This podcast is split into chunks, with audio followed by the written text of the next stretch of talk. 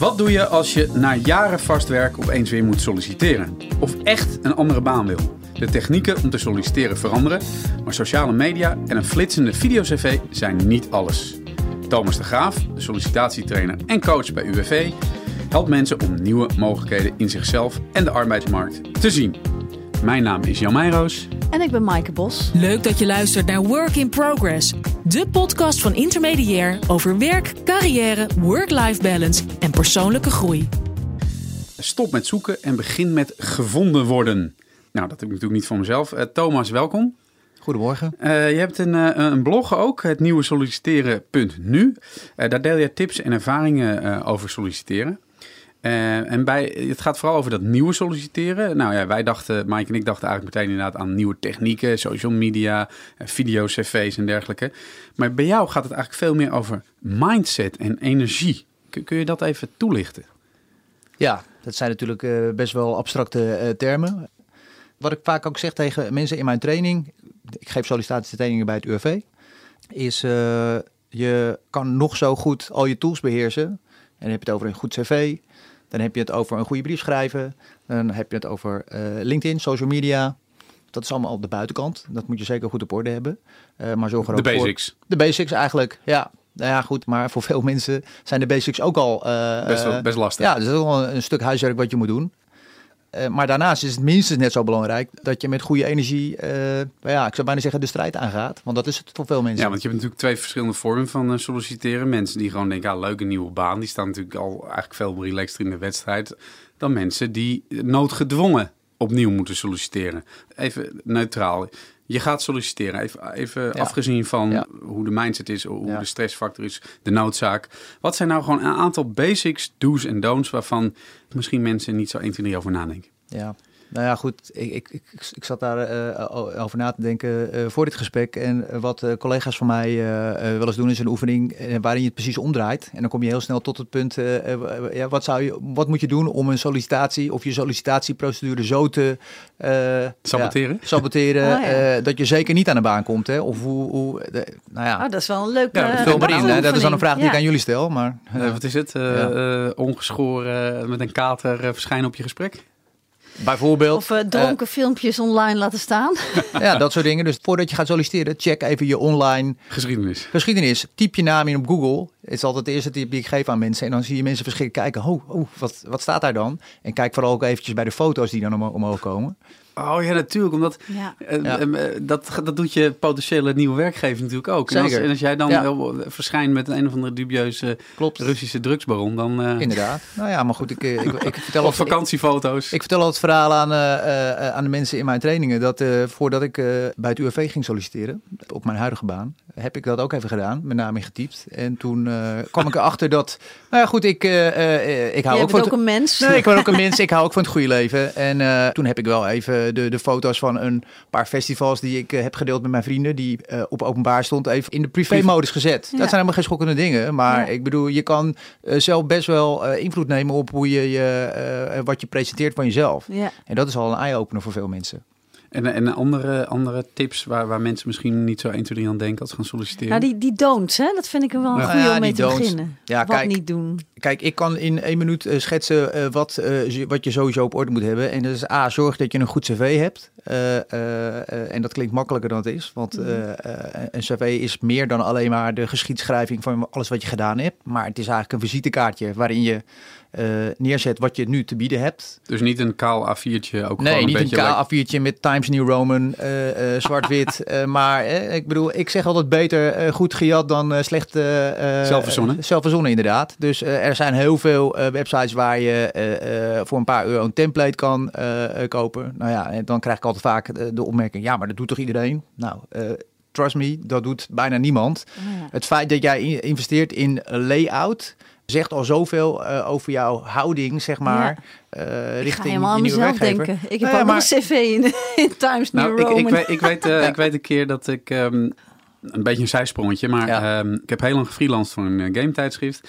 En daar, toen zei de toenmalige hoofdredacteur, die liet mij een keer een factuur zien van een andere freelancer. En dat was gewoon een hele gelikte factuur. Maar het was dus een factuur. Maar er stond er ook gewoon de foto van de freelancer in. Oh, ja. Een mooie logo van zijn bedrijfsnaam. Strak, netjes. En die, die zei echt tegen mij van, kijk, zo, dit, is, dit is een factuur. Terwijl ik inderdaad, mijn factuur zijn gewoon witte blaadjes, de cijfers, het bankrekening. En ja, het is wel een goed punt. Het is toch, uh, je onderscheidt je daarmee. Nou dat is de essentie van solliciteren. Wat ik probeer aan te geven is, je communiceert de hele tijd. Je communiceert de hele tijd. Op het moment dat je ergens binnenloopt, nou ja, in mijn geval dan de training. En dan geef ik aan mensen aan, ik zeg, joh, je communiceert al de hele tijd. Dus je houding, wat je zegt, uh, uh, hoe je cv eruit ziet, maar ook de naamgeving van je cv. Ja, om maar eventjes uh, over de do's te praten. Je kan je cv opslaan als cv.doc, maar je kan ook gewoon cv en dan zet je je naam erin. En je liter zet je dan nog de vacature erin waar je op solliciteert. Dus je geeft aan, goh, oh ik wil deze baan, mijn naam is daaraan gekoppeld, dat wil ik. Zit ook in de header van je, hoe zeg je dat? Header in het, in het Nederlands, de, de, de, de titel die je zet op je mail als jij je sollicitatie stuurt. Het zijn allemaal hele kleine dingetjes die uh, je professionaliteit laten zien. En, je bereidheid ook, ja, ja. zeker. Dus je, je laat intentie zien. Ja. Ik denk dat het heel belangrijk is.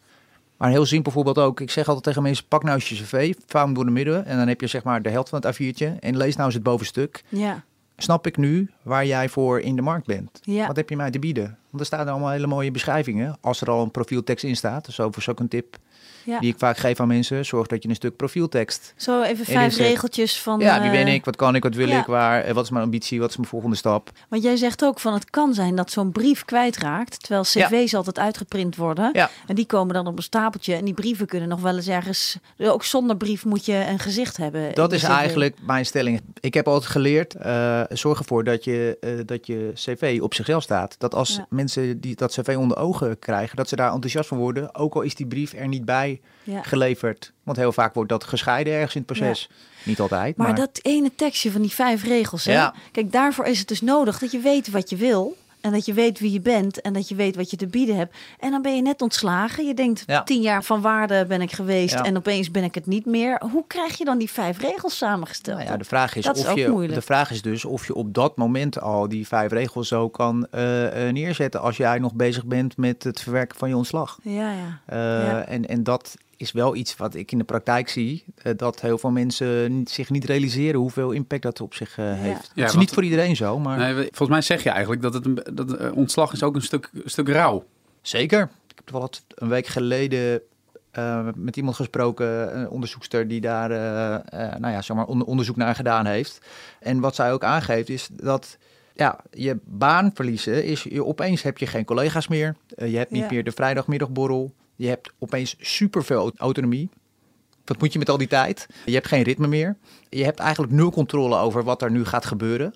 Uh, je hebt opeens heel weinig hulpbronnen waar je in het verleden je collega's om hulp kon vragen. Je, je, je, bent... je bent nog boos over hoe, misschien hoe jij uh, de laan uit bent gestuurd. Ja, ik noem maar eventjes. Een, uh, en dat is best wel... ja, je hebt dan te dealen met de, de leegte die er ontstaat ja, zonder een baan. Nou, wat ik wel interessant vind is, um, uh, dat heb ik wel eens van een coach gehoord. Kijk, eh, die mensen die nu uh, 40, 50 zijn, die zijn opgegroeid in een tijd dat, dat je op school nog gewoon moest presteren. Je moest je taal en je rekenlesje doen. Je ouders die, uh, die zaten te pushen op een, het, hoog mogelijkste, het hoogst mogelijke schoolniveau. Dus presteren is wie je bent, zeg maar. Ja. En de jeugd van nu, denk ik, is toch iets meer opgegroeid met van je persoon is belangrijk. Ik denk dat die uiteindelijk meer flexibiliteit hebben. Herken je dat? Ja, dat herken ik zeker. Ehm, ik zie veel mensen die succesvol zijn geweest in hun carrière tot dan, hè, tot nu toe, uh, door ja, een hoog arbeidsethos, uh, door ja, flink tegenaan te gaan, zeg maar, waar, waarmee je in je baan heel ver komt. Ja. Alleen heel hard solliciteren dat klinkt een beetje, ja, het is een beetje paradox, maar dat werkt niet altijd. Ik bedoel, Want nog wat harder eraan trekken helpt nou ja, dus niet. Ja, de, wat je vaak ziet is de beweging dat mensen denken, oké, het lukt niet, ik ga nog harder solliciteren. Ja, ja ik zeg vaak altijd tegenovergestelde, neem nou eens een stapje terug, uh,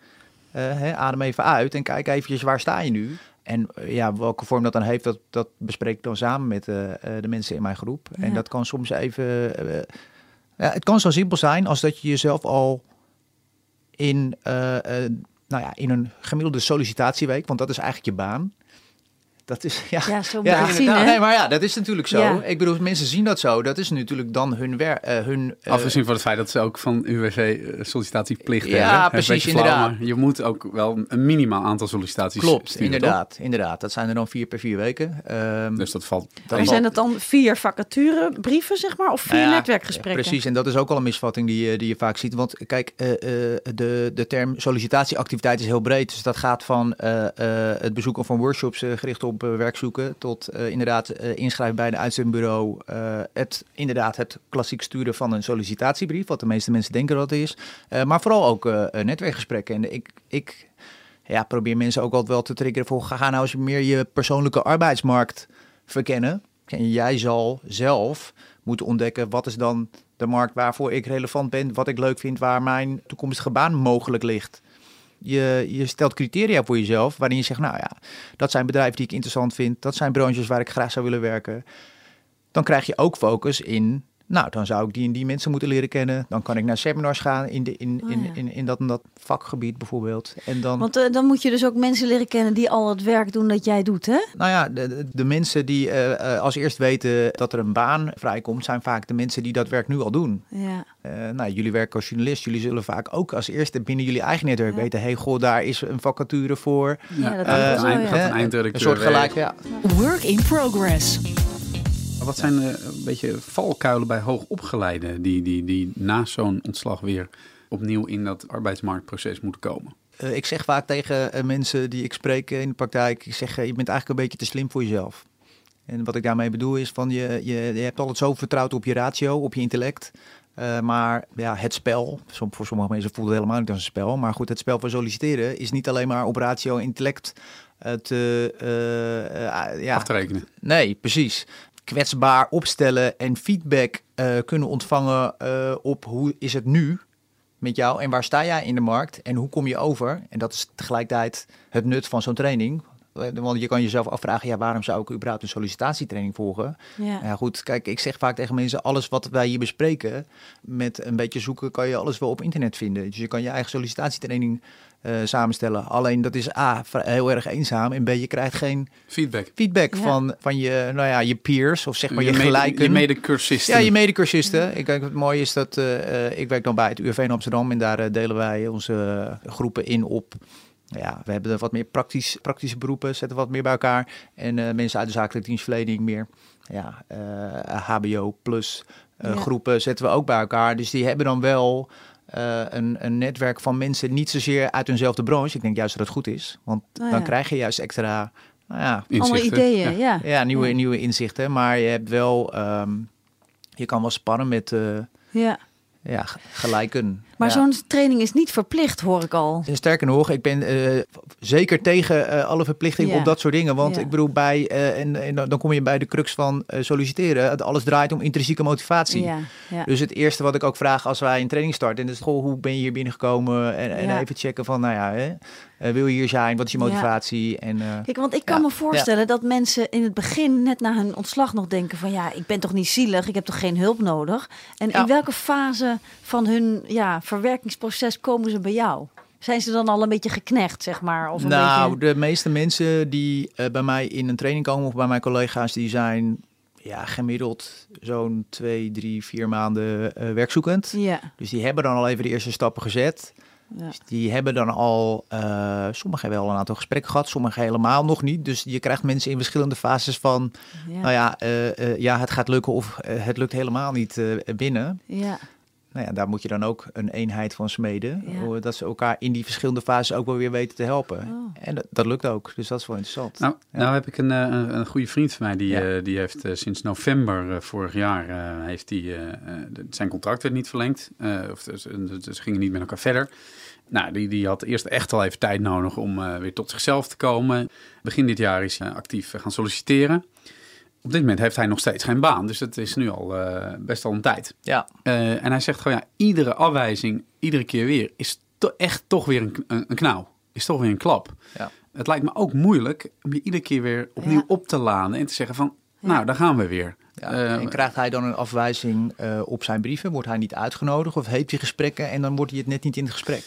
Er zijn wat verkennende gesprekken geweest. Maar de laatste keer was het gewoon zo'n redelijk standaardbrief van... eh, nou, we hebben zoveel aanmeldingen gehad en eh, Ja. bedankt voor je brief. En, eh, dus het gaat in die zin... Ik weet niet of hij misschien inderdaad zijn horizon wat moet verbreden. Ja, hoe blijf je gemotiveerd Ja. om toch iedere Ja. keer zo'n afwijzing eh, te boven te komen? Dat lijkt me het lastigst. Dat lijkt me echt heel Ja. lastig. Ja, ik ga nu echt een onwijs eh, eh, flauwe wandtegeltje citeren, maar eh, er is niet zoiets als afwijzing, er is alleen maar feedback. En als je eh, ja, die afwijzing ontvangt, denk je, ja, ja, je... Maar je krijgt vaak jij- geen feedback. Nee, dat is ook nee dat snap ik. Maar kijk, het feit dat jij zo'n brief krijgt, is dus geen feedback. Dat, dat Nee. stel ik even vast. Ja. daar leer je dus niks van. Ja. En kijk, ik zeg altijd, eh, Zou hij gewoon, ik, ik, sorry Ja, dat ik je ontbreek. ja, Is- ja. Zou het goed zijn als hij het bedrijf zou opbellen en zeggen van... Goh, jullie hebben, voor, jullie hebben een andere keuze gemaakt. Dat snap ik. Is er een reden waarom ik niet voor een eerste gesprek ben uitgenodigd? Is dat iets wat ja, je... dat zou je kunnen doen. Tegelijkertijd moet je ook bedenken dat bedrijf heeft niet eh, zozeer een, eh, een, een primair belang bij eh, sollicitanten te woord staan. Nee. Tegelijkertijd vind ik wel, maar dat is gelijk even een, eh, een, een zijspoor hierop. eh, eh, ik denk wel dat het voor bedrijven steeds belangrijker wordt. Hoe ga je om met dat proces, zeker aan de achterkant? Want eh, ja, je communiceert continu. Eh, communiceren bedrijven ook continu. Want je kan aan de voorkant zoveel doen aan marketing. Maar als je aan de andere kant, aan de achterkant Ja. je, ja, je sollicitatieprocedure ja, slecht eh, inricht Ja. en je daar negatieve eh, PR hebt, dan gaat het ook terugkomen naar je. Zeker in Hm. deze tijden waarin je sites hebt als Glassdoor, waarop je reviews kan schrijven. ja. En ik las toevallig op mijn telefoon eh, deze kant op een berichtje over het eh, Renier de Graaf ziekenhuis. Die neemt nu de tijd om met sollicitanten een soort van afwijsspreekuur te organiseren. Oh. Ik begreep dat ze al 200 sollicitanten gesproken hadden om eh, hun dus wel die feedback te geven. Ja, vind ik echt Dus wel mensen sterk. die, die daar gesolliciteerd Ja, hebben en niet zijn geworden. Ja. En, die, eh, en ze, daar, eh, wat ik las is dat ze daar alsnog eh, 12 sollicitanten van, eh, van hebben aangenomen. Dus, Oh, eh, ja? dus Dus snap dat, je? daar zaten twijfelgevallen is tussen. ook Die ja, precies. de- de- uiteindelijk het voordeel van de twijfel. Ja, dus mijn punt is, in zo'n één op één gesprek kan je jezelf toch net weer even waarschijnlijk anders presenteren. eh, Maar dan. dat is, Ja. het, dat is het En vaak dan- hè, bij mensen die, die, die al niet op gesprek mogen Ja. komen. Die hebben het idee van, ja, ik, ik krijg ook geen kans om even Ja. mijn, mijn, Nee. eh, mijn, mijn verhaal te doen. En zo heb ik ooit bij intermediair gesolliciteerd op een online functie, terwijl ik helemaal nog daar geen kaas van had gegeten. En in het gesprek, waar, waarvoor ik dus wel was uitgenodigd, zei die eh, hoofdredacteur van volgens mij wil jij veel liever artikelen schrijven. En toen zei ik ja, dat klopt. En toen werd ik daarvoor aangenomen. Ja. Dus dat is natuurlijk ook, die kans krijg je dan niet als je niet op gesprek mag komen. Maar dat is grappig, want jij denkt dus dat je jezelf kent en jij Ja. solliciteert op een functie. nou, maar hoe... ik wist al dat ik hem niet echt wilde, maar ik Nee, wilde joh. gewoon ergens beginnen. dat was mijn eerste baan. Prima, maar het is heel leuk dat je dan in het gesprek... Om... Ja. Kijk, degene die aan de andere kant van de tafel staat is ook niet gek. Dus Ja. die ziet ook wel bepaalde Ja. eh, kwaliteit in jou. Maar, en daar kom je dus tot het punt van wat zou beter kunnen werken voor... eh, zeg Dit maar, specifieke geval. Ja, dit specifieke geval is eh zorg ervoor dat je ja, meer mensen leert kennen in de branche waar je in zou willen werken. En, ja, en vraag dan ook feedback aan die mensen van, goh, waar zou het mogelijk aan kunnen liggen? Ja. Je moet ergens dan toch het ge- gevoel hebben dat je de moeite waard bent en dat feedback iets Ja. opbouwends is. Maar je kunt op een gegeven moment in zo'n spiraal komen dat je denkt, ja, het heeft toch allemaal maar geen zin. En, eh, en dan kun je het ook niet als feedback zien. Hoe kun je dat keren? Ja, ik denk vooral belangrijk is dat je je, je leven op het moment dat je werk zoekt zo inricht dat die afwijzing minder hard aankomt. Eh, op het moment dat je meerdere sollicitaties in de pijplijn hebt, dan, nou ja, dan is het er eentje. Maar stel je hebt nog vijf of zes andere sollicitaties lopen, dan zit daar nog een stukje hoop in. Want dat Ja. is wel een stuk eh, wat Ja. ook heel belangrijk is. Als jij daarnaast een project voor jezelf start, waar je zeker weet dat je resultaten gaat halen. Ehm, dat je zegt, goh, ik ga een cursus meubelmaker doen en je gaat een, eh, een tafeltje maken. Dan is dat wel iets waar je progressie in ziet. Dat is ook iets. Ja. Vrijwilligerswerk eh, is vaak ook een optie. Maar dan vooral wel vrijwilligerswerk, en daar zeg ik er wel bij, waarin je, je de rol die je van nature hebt of had in je eh, Vorige baan. vorige baan, eh, dat je je skills levend kan houden. Ehm, want je creëert eigenlijk weer een soort van werkomgeving voor jezelf. Je hebt dan weer collega's, je hebt Ja. dan weer die borrel, je zit weer in een netwerk, Ja. eh, je krijgt feedback, je voelt je gewaardeerd. Ik ben zelf ook drie maanden werkzoekend geweest voor deze baan. Ik moet wel zeggen dat dat mij echt eh, geholpen heeft om, om mezelf goed te voelen. Met, en dan met zelfvertrouwen het sollicitatieproces eh, wat aan te blijven gaan. Wat, hoe kom je dan aan zo'n leuke vrijwilligersklus? Nou ja, kijk, ik had de mazzel dat in mijn vorige baan heb ik, had ik contacten gelegd bij de vrijwilligerscentrale in Amsterdam. Wat overigens ook een hele mooi startpunt is als je vrijwilligerswerk zoekt. Dan heb ik het wel voor de regio Amsterdam dan. Maar zo zijn er in heel Nederland dat soort vrijwilligerscentrales. Ik ben daar zelf proactief naar binnen gestapt omdat ik daar iemand kende. En ik zeg, joh, ik ben nu even werkzoekend, ik ben beschikbaar. Kan ik jullie ergens mee helpen?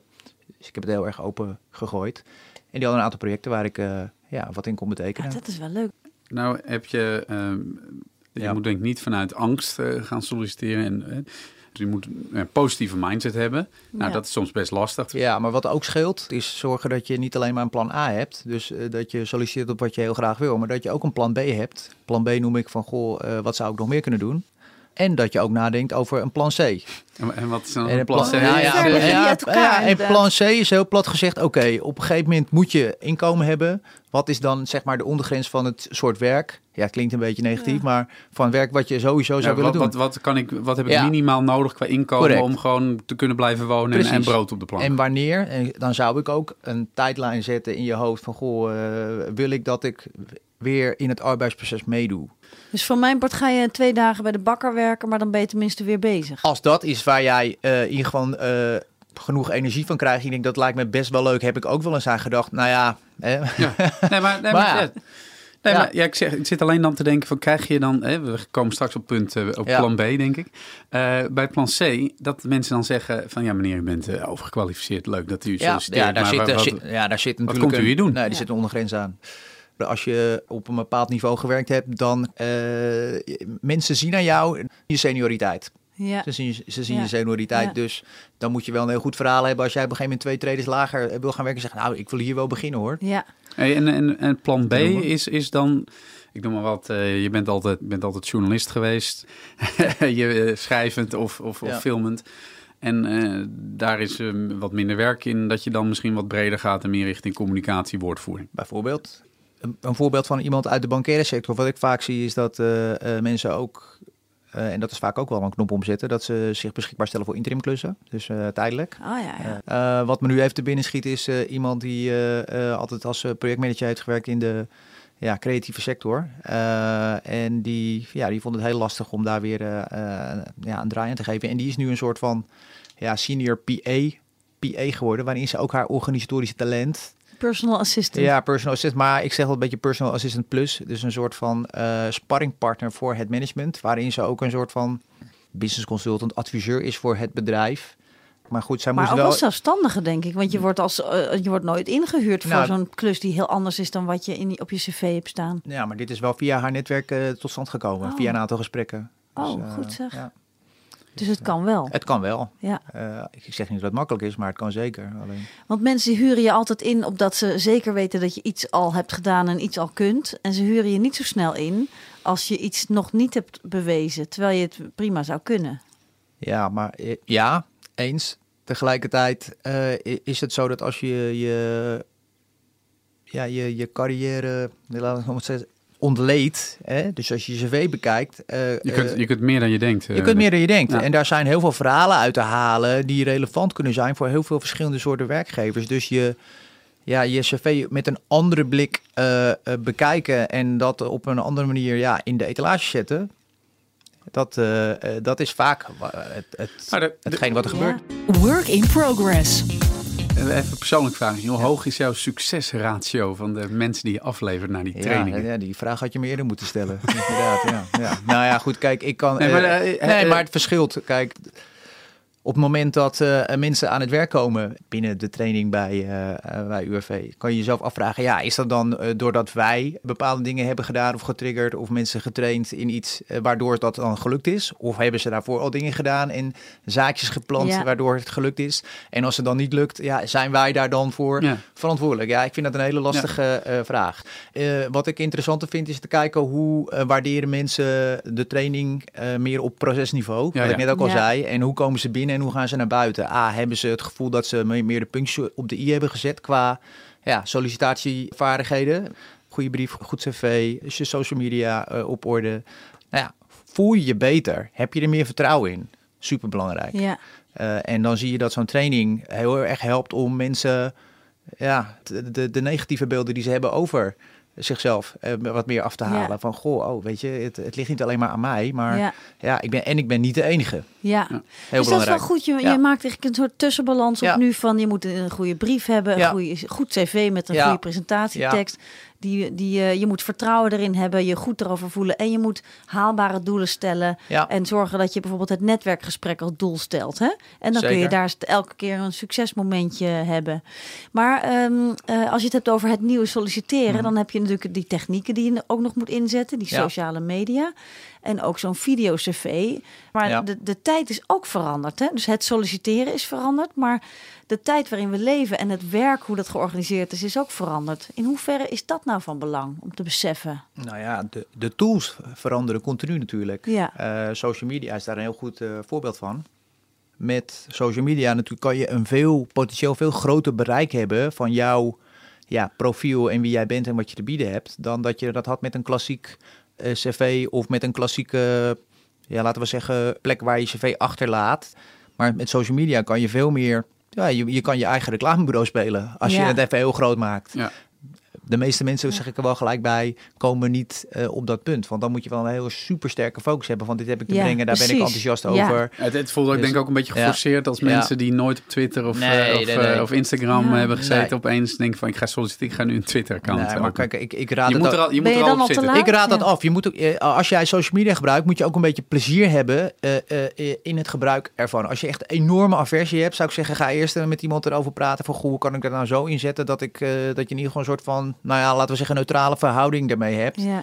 Ik zeg wel, zorg ervoor dat je eh, op de voor jou relevante social media platformen aanwezig bent. En voor de een kan dat LinkedIn zijn, voor de ander kan dat Instagram zijn. Ja. Twitter kan nog steeds interessant zijn voor bepaalde niches. En Facebook, is dat nog, eh, of is dat ook alweer terug aan het lopen? Facebook kan ook interessant zijn, want daar, wat leuk van Facebook is, daar zijn bepaalde groepen die dan weer gericht zijn op eh bepaald type vacatures. Bijvoorbeeld een groep voor secretaresses of een groep voor eh, mensen die eh, in een wat meer creatieve of misschien maatschappelijke eh, richting willen werken. Er is een Facebookgroep dat heet Is deze vacature iets voor jou? Zeg ik nu even uit mijn hoofd. Nou ja, goed, daar worden heel veel vacatures gedeeld van mensen in de ja, wat meer maatschappelijk, eh, culturele... Als zet, s- als, zak- als zet je maar ja. gewoon op Facebook. Hé hey jongens, ik ben op zoek naar een baan. Jullie weten ongeveer wat ik kan. Kijk eens om je omgeving. Nou, dat is dus de essentie. Dat je moet, je heel- moet dan dus ook erbij zeggen wat je kan. Ja. Juist. Ja, maar Ja. goed, Want ja. ik kan dit en dit en dit en ik zoek dit en dit, Ja. hè? Toch? Nou ja, goed, kijk. eh, Ja, dat helpt, Ja, ja. Dat, maar precies wat jij zegt, dat stukje vergeten eh, Ja. eh, mensen heel vaak. Ja, ik zoek werk. Ja, maar wat zoek je dan? Ja. Probeer het zo concreet mogelijk te Maar krijgen. concreet. Ja. Maar als je dat al gedaan hebt, dan ben je al, al heel ver. Oh Eh, ja. Dan ben je al veel ja. verder dan eh, heel veel andere mensen. Dat met overtuiging kan zeggen, ja, dit is wat ik zoek en daar ben ik voor. Ja. Daar ben ik voor in de markt. En by the way, ik zou ook nog dat en dan dat kunnen. Plan B. Oh ja, ja. Ja. ja. En ik ben ook bereid, als het even niet lukt om dit te doen, plan C, wat ook dan zeg maar weer je ja, positieve, nou ja, positief, maar goed, dat laat ook wel een bepaalde houding zien natuurlijk. Ja. ja, dus die, die sociale media moet je goed hebben. Dan zo'n video-cv, volgens mij is dat er een geintje. Dat hoeft dan niet per se. Ja, Ja, ik- denk dat dat, dat dat in bepaalde branches In bepaalde wel Ja. meer branches. Ja. Eh, Wat je ziet bij eh, vooral eh, bijvoorbeeld vacatures waarin je veel klantcontact hebt. Dan kan het Ah, ja. eh, Ja. voor een, bepaald, een bepaald type uitzendbureau zo handig zijn om eh, mensen te werven eh, via een kort filmpje. Nou, goed, dat zie ik wel het- voor me. Ja, precies. Ja. Maar weet je wat ik Ja. nou zo proef? Hè? Er Ja. zitten zoveel dilemma's in, zoveel paradoxen. Van kijk, je moet eerst verwerken dat je ontslagen bent. Maar je moet ook eigenlijk al meteen lijntjes gaan, gaan uitgooien. Want pas over drie maanden leveren ze wat op. En je moet focussen op wat je wil. Maar je moet eigenlijk ook een plan B, C tot en met Z hebben. En eh, je moet eigenlijk fulltime werken aan je sollicitatie. Maar je moet ook een eigen project opzetten waarmee je. Weet je? Ja, Dus en af en toe- waar, waar begin je nou? Wat kies je? Ja, Je ja, schetst het ja. inderdaad als een, Nou ja, als een soort, kijk. soort de, de zeven werken van Hercules. En, nee, maar goed, alles het is best veel. Er zijn een hoop keuzes die, je, die, Ja. je, die je moet en kan maken along maar je the hebt ook heel veel tijd opeens over. Ja, En daar word je weer zo dat- ongelukkig van. Ja, En en dat is natuurlijk een beetje de, de valkuil. Daarom denk ik dat en dat en dan daarom denk ik dat het super belangrijk is dat je ook ehm sparringpartner zoekt eh, in dat hele sollicitatieproces. En voor sommigen is dat een coach, voor sommigen is dat iemand die ook in hetzelfde schuitje zit, dat je af en toe even koffie drinkt. Ja, mijn ervaring is dat het stuk sparren met elkaar is hetgene wat mensen het aller, ja, gewoon het meeste waarderen. Want dat is een stukje, ja, ik noem het maar normaliseren onder elkaar. Dat ze even Ja, ja, ja. kunnen checken met elkaar van, oké, maar oh, heb jij dit ook? Ja, ik heb dit ook. Oh, Ja. nou, valt best wel mee. En dat, dat haalt de druk eraf. Oh ja. En dan, ja, heb je weer de lucht om de, de, de juiste volgende stap te nemen. Ja. Dus je moet het ook niet overdrijven. En dan ga je niet zo vanuit frustratie overal maar aan lopen trekken, maar dan, dan stop je met dat zoeken en dan hoop je dat je gevonden wordt. Omdat je wat meer van Nou ja, jezelf hopen zien. dat je gevonden wordt. Ja, ja dat moet Zorgen. je Dat is zo zorgen dat je gevonden wordt. Kijk, je kan doen wat je kan doen. eh, en daarna moet je gaan kijken, ja, werkt het? En zo niet, dan moet je het bijstellen. En dat is natuurlijk een beetje de, eh, het dubbele. Er is niet één perfecte eh, eh, roadmap. Nee. nee, Ja. er is niet één perfecte roadmap. Jij moet vooral eruit gaan pikken wat voor jou goed werkt. Want iedereen, je hebt ook weer verschillende persoonlijkheden. Ja, Ja. Dus ja, wat, eh, als je vrij introvert bent, dan is netwerken wel een grotere stap voor je dan als jij in je vorige baan Ja. als accountmanager hebt gewerkt. Dan leg je wat makkelijker die contacten. Ja. Maar we moeten eigenlijk ook allemaal een beetje met die faalangst eh, stoppen. Hè? Want probeer eens wat meer te, te freewheelen en uit te proberen. Ja, maar dan noem je wel een groot thema. Ja, Dan noem je wel een zo, groot thema. Dus, eh, eh, Waarom? Waarom is dat een groot thema? Nou ja, faalangst, eh, eh, dat, dat, dat, dat prikt natuurlijk eh, direct in je eigen onzekerheid. Eh, en die onzekerheid komt natuurlijk eh, eh, vaak eh, aan het licht op het moment dat je werkzoekend bent.